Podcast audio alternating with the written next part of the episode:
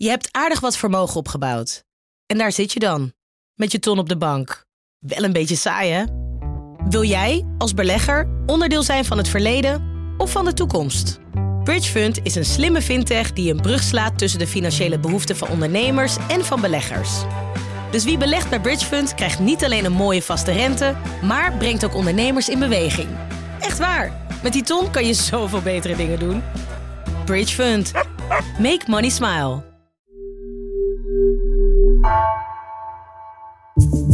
Vanaf de redactie van NRC het verhaal van vandaag.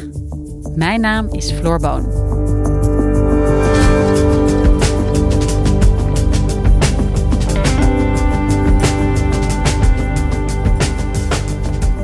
In het Gelderse Dreumel haalden amateurarcheologen ruim 200.000 vondsten naar boven. Van Romeinse dakpannen tot pijlpunten. Van mammoetbotten tot complete middeleeuwse scheepswrakken. Conserveren is kostbaar en over wie daarvoor moet betalen is al jaren strijd, vertelt redacteur Melle Meijer. Dus puilen de woonkamers en schuren van Dreumelaren al jaren uit. Want niemand weet precies wat er met al die spullen moet gebeuren.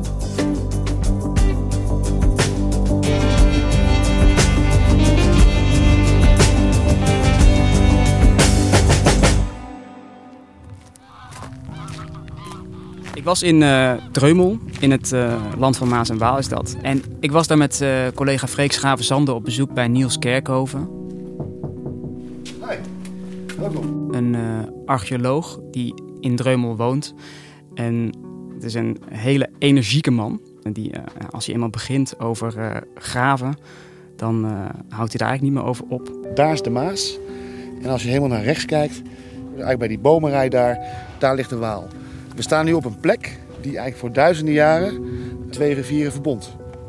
Hier kwamen de Waal en de Maas bij elkaar. En uh, hij heeft daar een, uh, een, schuur. Die ligt buiten de dijk aan de Maas. Echt pal langs het water. Het enige wat die schuur scheidt van het water is een, is een, een klein zandophopentje. Uh, struikel niet.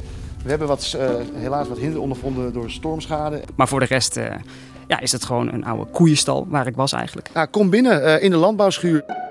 En uh, als je die schuur binnenkomt, dan uh, zie je eigenlijk aan alle kanten kratten staan. Bijna tot aan het plafond. Er staan allemaal labels op. Pleisto van Pleistocene en Holo van Holocene.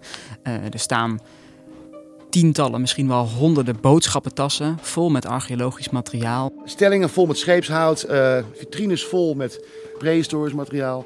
Ja, hier zie je gewoon tienduizenden botten. Hier bijvoorbeeld, uh, ja, heel gek, neushoorn in Dreumel. Ja, hier liepen heel veel neushoorn. Uh, mammoeten, rendier, uh, maar ook varken, hond, mensenbotten.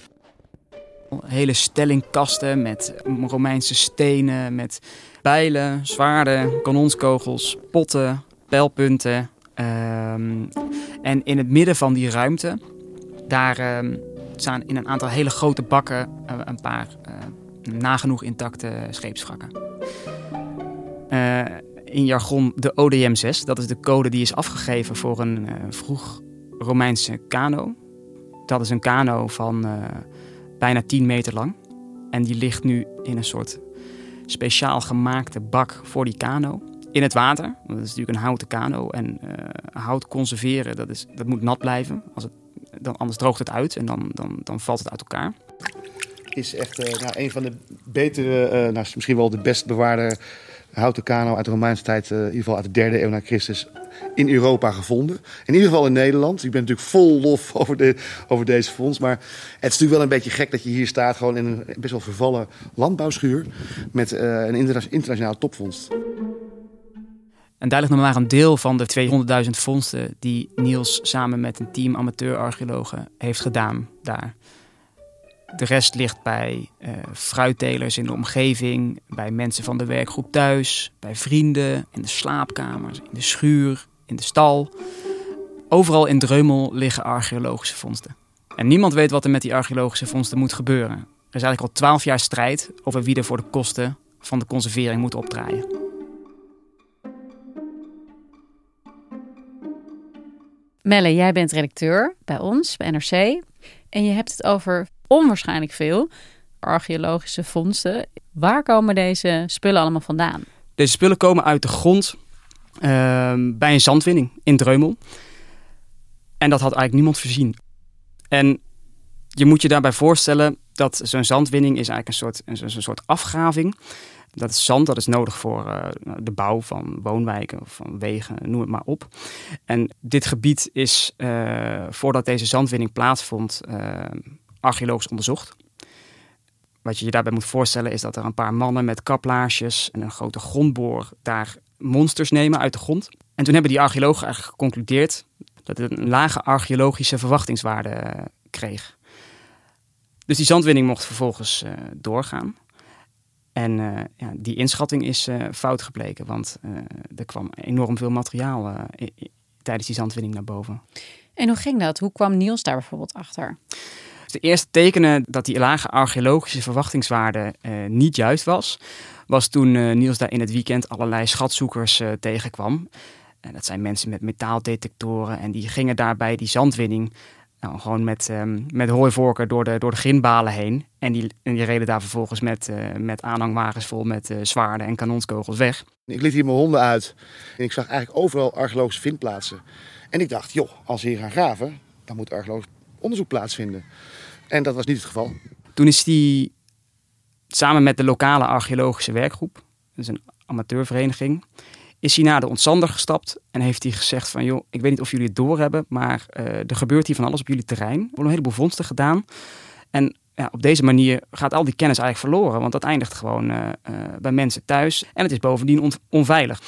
Toen heeft die ontzander gezegd, dat klopt, dat willen wij ook niet. fijn dat je ons hierop attendeert. En toen hebben ze eigenlijk samen besloten van nou, jullie zijn de enige vereniging die hier nog terecht mogen. En in 2010 begon de werkgroep van Niels met uh, de opgravingen bij het ontzandingsproject. Nou, wat wel belangrijk is om daarbij te benadrukken is dat Niels werkt als uh, archeoloog bij de Rijksdienst in Utrecht. En uh, heeft dit hele project eigenlijk naast zijn werk gedaan. En wat moet ik me precies voorstellen bij hoe zo'n groep als van Niels Kerkhoven te werk gaat? Nou, zij zijn eigenlijk verantwoordelijk voor de archeologische begeleiding van het project. Dus die zandwinner die uh, doet gewoon zijn werk. En uh, zij kijken mee waar eventueel rekening gehouden kan worden met meer vondsten. Maar zij zijn ook verantwoordelijk voor dus uh, bijvoorbeeld het meegaan op de zandzuiger. Het leek wel science fiction. Super geweldig. Ja, die ging gewoon duizenden jaren archeologie gewoon opzuigen. Je moet je voorstellen, zo'n zandzuiger is een enorm groot apparaat dat over het wateroppervlak heel langzaam beweegt. En dan dat, daar dat zand van 30 meter hoog opspuit. Dat wordt dan met een soort lopende band aangeleverd. Ja, normaal vind je een keer een Romeinse pot in de grond. Of een keer uh, een deel van een speer of uh, een potje. Hier kwam alles gewoon zo hard en tegelijk in zo'n sneltreinvaart naar boven. Dat ik gewoon helemaal gefrustreerd raakte en van ellende niet meer wist waar ik moest kijken. Zoveel kwam omhoog. Het is eigenlijk zo gek niet te bedenken of uh, Niels Kerkhoven en zijn werkgroep heeft het wel gevonden. Hier komen twee rivieren voor al duizenden jaren bij elkaar. Uh, en uh, dat is de reden eigenlijk waarom hier zoveel ligt. Omdat hier gewoon duizenden jaren gestreden is, handel gedreven is. Uh, grote nederzittingen lagen in de ijzertijd, in de Romeinse tijd. Waarschijnlijk zelfs in de bronstijd. En ja, een enorme delta eigenlijk. ook veel natuur, veel vis. van twee rivieren. Dat is echt uniek sowieso voor Nederland. En ja, waarschijnlijk ook wel voor Europa of misschien nog daar voorbij. zoveel vondsten op één plek, dat, dat zie je bijna nergens. Melle, als ik jou zo beluister, gaat dit over grote vondsten, belangrijke vondsten, ook uh, historisch, archeologisch, ook eh, met grote waarde voor Nederland. Maar waarom liggen die in schuren en niet in een museum? Nou, dat is eigenlijk uh, de, grote, de grote vraag. We hebben in Nederland allerlei regels voor wat er moet gebeuren als je een archeologische vondst doet. En als je een keertje een helmpje opgaaft of een, of een pot, dan, dan werkt dat prima. Maar uh, dat blijkt bij uh, uh, 200.000 archeologische vondsten toch wat anders te liggen. En eigenlijk loopt die regelgeving vast op, op die enorme hoeveelheid. Ja, want hoe werkt dat normaal gesproken in Nederland? Stel, ik stuit toevallig op iets in de duinen of ergens anders. Of ik ga echt, echt graven naar iets en ik vind een pijl of een mammoetbot. Wat moet ik als burger dan doen? Nou, er zijn eigenlijk twee manieren waarop een vondst uit de bodem tevoorschijn kan komen ofwel bewust, ofwel per toeval. Uh, als je bewust op zoek gaat naar een, naar een, naar een vondst, omdat je het vermoeden hebt dat er ergens iets aan de grond zit, dan noem je dat een, een opgraving. En voor een opgraving dan moet je een, uh, moet je een vergunning aanvragen bij de provincie. En dan is die vondst van de provincie. Als, zoals in het geval van de meeste vondsten in Dreumel, die vondsten bij toeval uit de grond uh, komen, dan is er een andere regel. Dan is de regel namelijk dat die vondst voor de helft toekomt aan de vinder. Dat is in dit geval dus de werkgroep van Niels. En voor de andere helft aan de grondeigenaar. In dit geval de ontzander.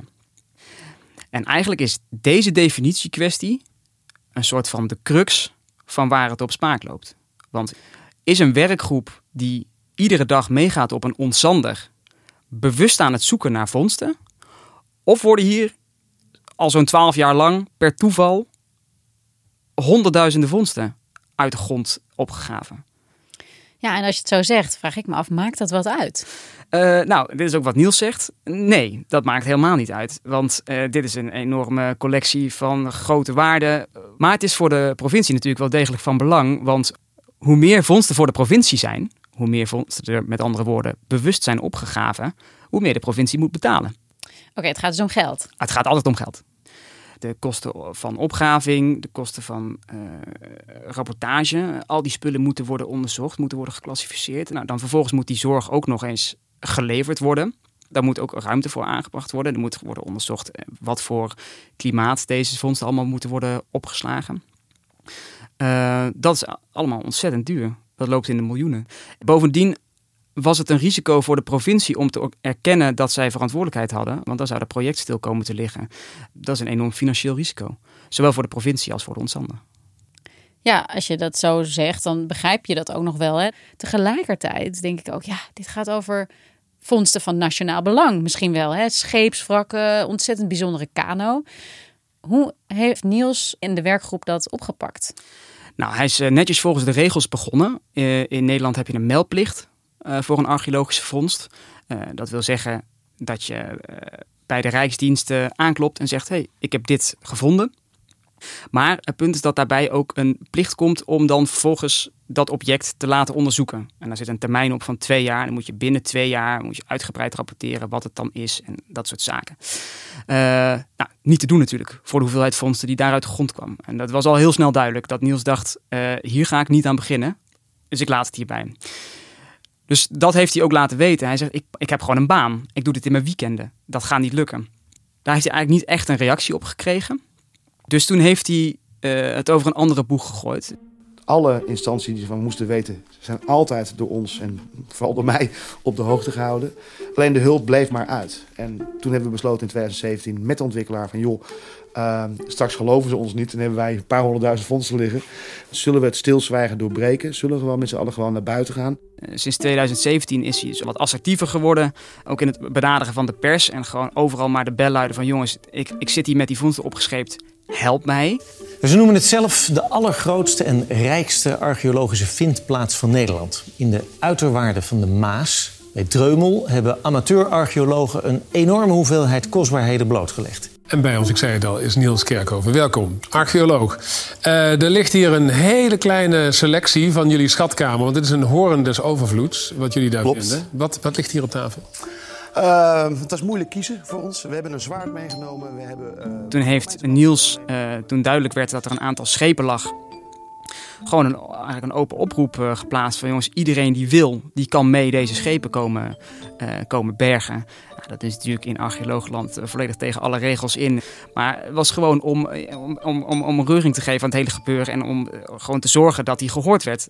En nou, op den duur werd Niels Kerkhoven ook wel het verwijt gemaakt door de provincie dat hij zich niet aan de regels had gehouden. En dat uh, het niet de provincie was die hier um, zaken liet liggen, maar juist hij. Hij had, het niet, uh, uh, hij had niet alle vondsten gemeld. Hij had schepen opgegraven, terwijl hij daar niet de juiste vergunning voor had.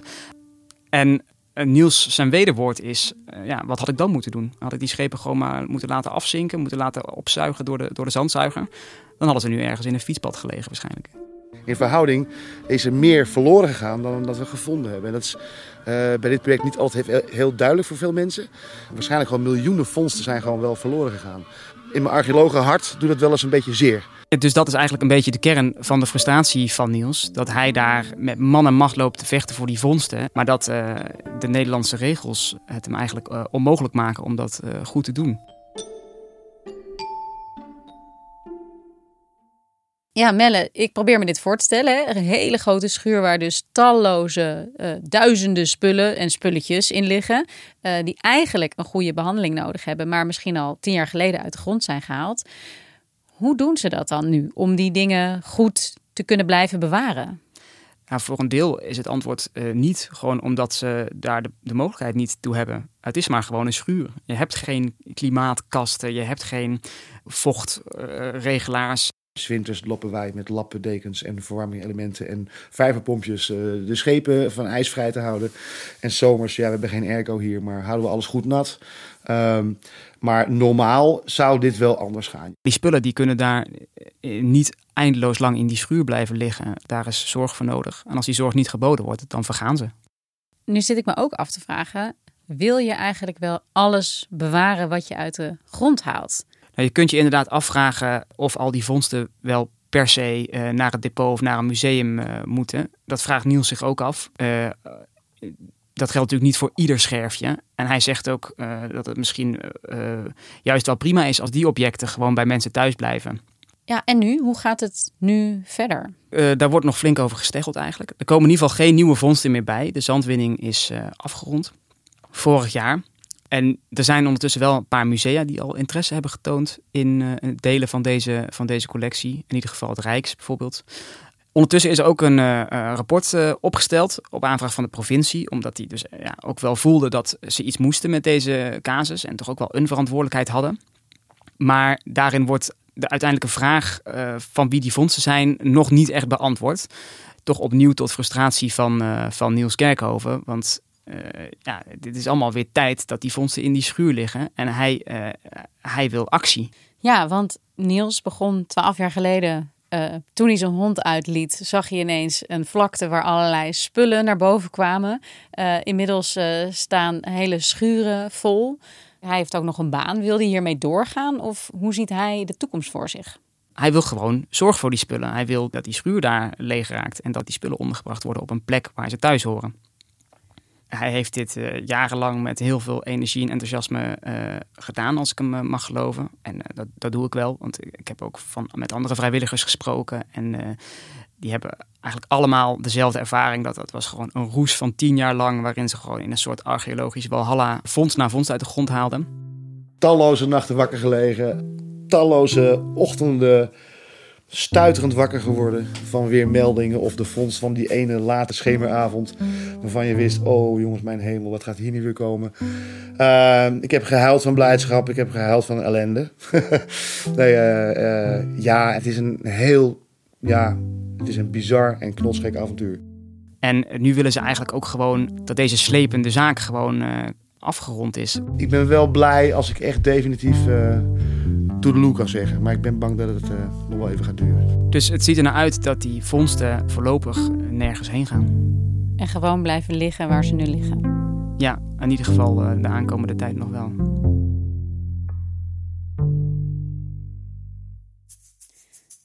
Dankjewel Melle. Ja, jij bedankt.